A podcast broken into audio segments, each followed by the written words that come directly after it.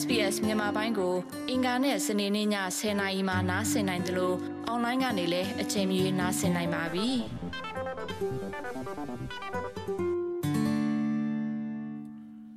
သောရရှိများယခုတင်ဆက်ပေးမှာတော့ Australia ကျောင်းကဏ္ဍများကို နားလေခြင်းဆိုတဲ့ဆောင်းပါးပဲဖြစ်ပါတယ်။ကျွန်ုပ်တို့ကလေးများနဲ့ကျွန်ုပ်တို့အခြေအနေများနဲ့ကိုက်ညီသောကျောင်းပညာရေးစနစ်တစ်ခုကိုရှာဖွေတဲ့အခါမှာဩစတြေးလျများသည် ရွေးချယ်ခွင့်ရှိသည့်အတွက်ကံကောင်းပါတယ်။အထူးသဖြင့်မြို့ပြဒေသများတွင်အေချက်ဟာတကယ်ကိုမှန်ကန်ပါတယ်။ကဏ္ဍသုံးခုတွင် ကောင်းမွန်သောပညာရေးအခွင့်အလမ်းများဖြင့်မှန်ကန်သောကျောင်းကိုရွေးချယ်ခြင်းသည်မိဘများအတွက်ခက်ခဲသော ဆုံးဖြတ်ချက်တစ်ခုဖြစ်ပါတယ်။ဩစတြေးလျပညာရေးစနစ်အားကဏ္ဍ၃ရပ်ခွဲထားပါတယ်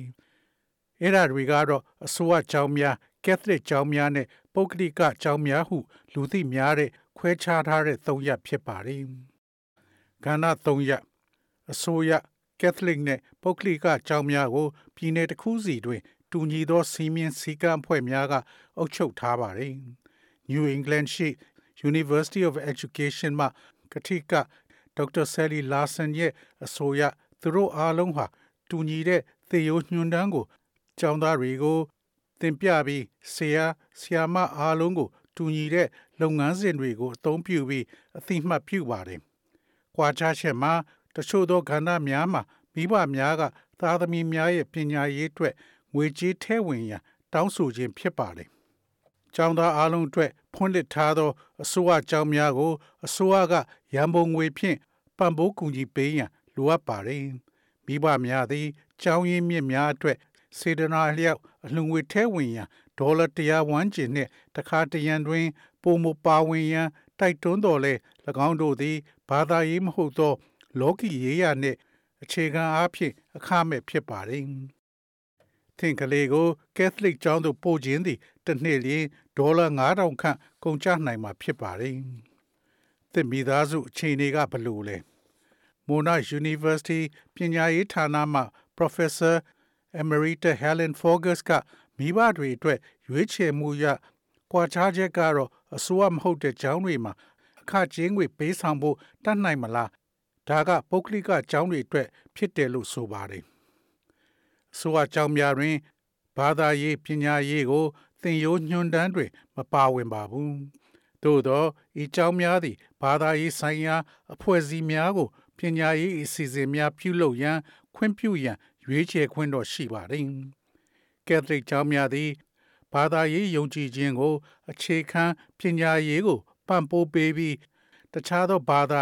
ယုံကြည်ချက်ရှိတဲ့မိသားစုအားလုံးကိုကြိုဆိုပါတယ်။၎င်းတို့သည်ရက်ရွာအတိုင်းဝိုင်းချိတ်ဆက်မှုနှင့်စီကံလိုက်နာမှုကို မြင့်တင်ရန်အတွက်လူသိများပြီး၎င်းတို့သည်ပုဂ္ဂလိကကျောင်းများထက်ဈေးသက်သာပါတယ်။ ပုဂ္ဂလိကကျောင်းစိတ်များသည်မြင်းယုံသာမကလှုပ်ဝက်ထားသောကုန်ကျစိတ်များသည်သင်ကိုအံ့ဩစေနိုင်ကြောင်းဒေါက်တာလာဆင်ကသတိပေးပါတယ်။မသိမနေရသင်ရိုးညွှန်တမ်းများပြင်ပလှုပ်ရှားမှုများကအလွန်ဈေးကြီးတဲ့ uniform များနဲ့ technological နည်းပညာများကိုမဖြစ်မနေဝယ်ယူခြင်းကဲ့သို့သော အပိုကုန်ကျစရိတ်များရှိနေတာကိုသတိပြုရန်လိုအပ်ပါတယ်ဟု သူမကပြောဆိုပါတယ်။ အစိုးရကျောင်းတချို့က technology ကို မဝယ်မနေရလမ်းကြောင်းတိုင်းသွားနေကြတာပါဒါပေမဲ့အစိုးရကျောင်းတွေကကလေးတွေအတွက်နီးပညာပစ္စည်းကို မဝယ်နိုင်တဲ့မိဘတွေအတွက်ပိုကောင်းတဲ့ထောက်ပံ့ကြေးတွေပေးနိုင်ပါလိမ့်မယ်။ကျောင်းမတစ်ခုတည်သောကျောင်းကိုသင်စဉ်းစားနေပါသလား။မိန်းကလေးနဲ့ယောက်ျားလေးများကိုသီးခြားပညာသင်ပေးခြင်းရဲ့အကျိုးကျေးဇူးများကို ငင်းခုန်မှုများရှိနေကပညာရေးရလတ်များသိသိသာသာကွဲပြားခြင်းမရှိတော့လဲတချို့ကလေးများသည် လူမှုရေးအရချားမတူဒီပါဝင်ခြင်းတွင် ပို၍သက်တောင့်သက်သာရှိကြပါသည်ဤဦးစားပေးမှုသည်ဘာသာရေးဆိုင်ရာအကြောင်းပြချက်များမှလည်းဖြစ်နိုင်ပါသည်ယောက်ျားလေးများသို့မဟုတ်မိန်းကလေးများကိုတီးသန့်ပေးဆောင်တဲ့တီချာကြောင်များကို ကက်သလစ်နဲ့လွတ်လပ်သောကျောင်းကာလများတွင်အဓိကတွေ့ရှိနိုင်ပါသည်။တခြားတစ်ဖက်တွင်မူအစိုးရကျောင်းများသည်ပြည်내အများစုတွင် တွဲဘက်ပညာရေးကို ပေးဆောင်ပါသည်။သို့တော်လည်း New South Wales သည်ချွင်းချက်တစ်ခုဖြစ်ပြီး၎င်းတွင်လိန်တမျိုးဒီသာရှိသောအစိုးရကျောင်း30ကျော်ရှိပြီး Victoria ၌အနည်းငယ်သာရှိပါသည်ယခုလို လိန်တကိုဒီသုံးသောအစိုးရကျောင်းတချို့သည်စောင်းရည်မြင်မာပြီးထူးချွန်သောကျောင်းသားများအတွက်ကျောင်းများဖြစ်ပါသည်မတူညီသောကဏ္ဍကိုထည့်သွင်းစဉ်းစားတဲ့အခါပုဂ္ဂလိကကျောင်းများသည်၎င်းတို့ရဲ့ဈေးကွက်ရှာဖွေရေးလှုပ်ရှားမှုများတွင်မိဘများကို ပြစ်မှတ်ထားပြီး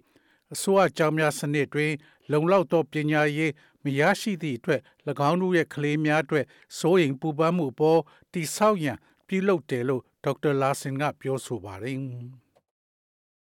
အစိုးရမဟုတ်တဲ့ကျောင်းတွေက ပိုကောင်းပါသလားမူလာတန်းကျောင်းများရဲ့80ရာခိုင်နှုန်းနဲ့အထက်ထန်းကျောင်းများရဲ့60ရာခိုင်နှုန်းခန့်သည်အစိုးရကဏ္ဍအတွင်းမှပညာသင်ကြားနေကြတာဖြစ်ပါတယ်။သင်ကလေးကို ပုဂ္ဂလိကသို့မဟုတ်ကက်သလစ်ကျောင်းသို့ပို့ရန်ဆုံးဖြတ်တဲ့အခါပညာသင်စုယဉ်ကျေးမှုနဲ့မိသားစုမျှော်လင့်ချက်များကဲ့သို့သောအကြောင်းရင်းများသည် ကုန်ကျစရိတ်ကို မခွဲခြားဘဲ ပါဝင်လာနိုင်ပါတယ်။ဤကျောင်းများရဲ့ ဈေးကွက်ရှာဖွေရေး လှုပ်ရှားမှုများတွင် ကျောင်းသားစည်းရင်သွင်းခြင်းအတွက် ပြိုင်ဆိုင်မှုတွေရှိတာကတော့ ထင်ရှားပါတယ်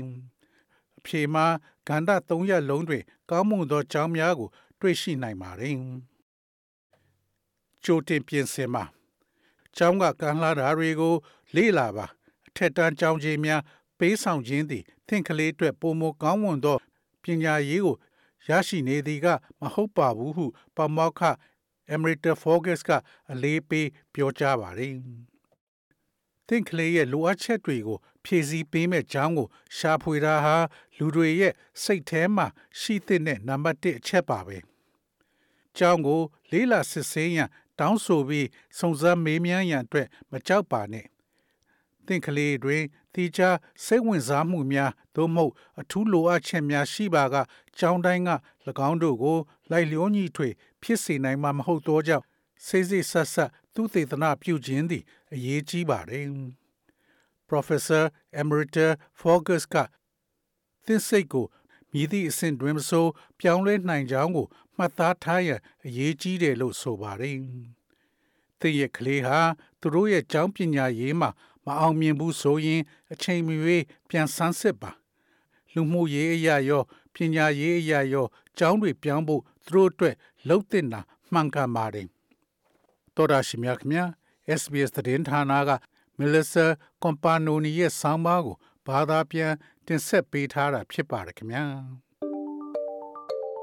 sbs.com.au/bemis ကို home နေရာမှာထားပြီးတော့အမြဲတမ်းနှားဆင်နိုင်ပါတယ်။ နောက်ဆုံးရသတင်းတွေ၊စောင်းမားတွေနဲ့စစ်တမ်းတွေမှာပါဝင်ပြီးတော့ဆက်သွယ်မှုလုပ်နိုင်ပါတယ်။ sbs.com.au/bemis ဖြစ်ပါတယ်ရှင်။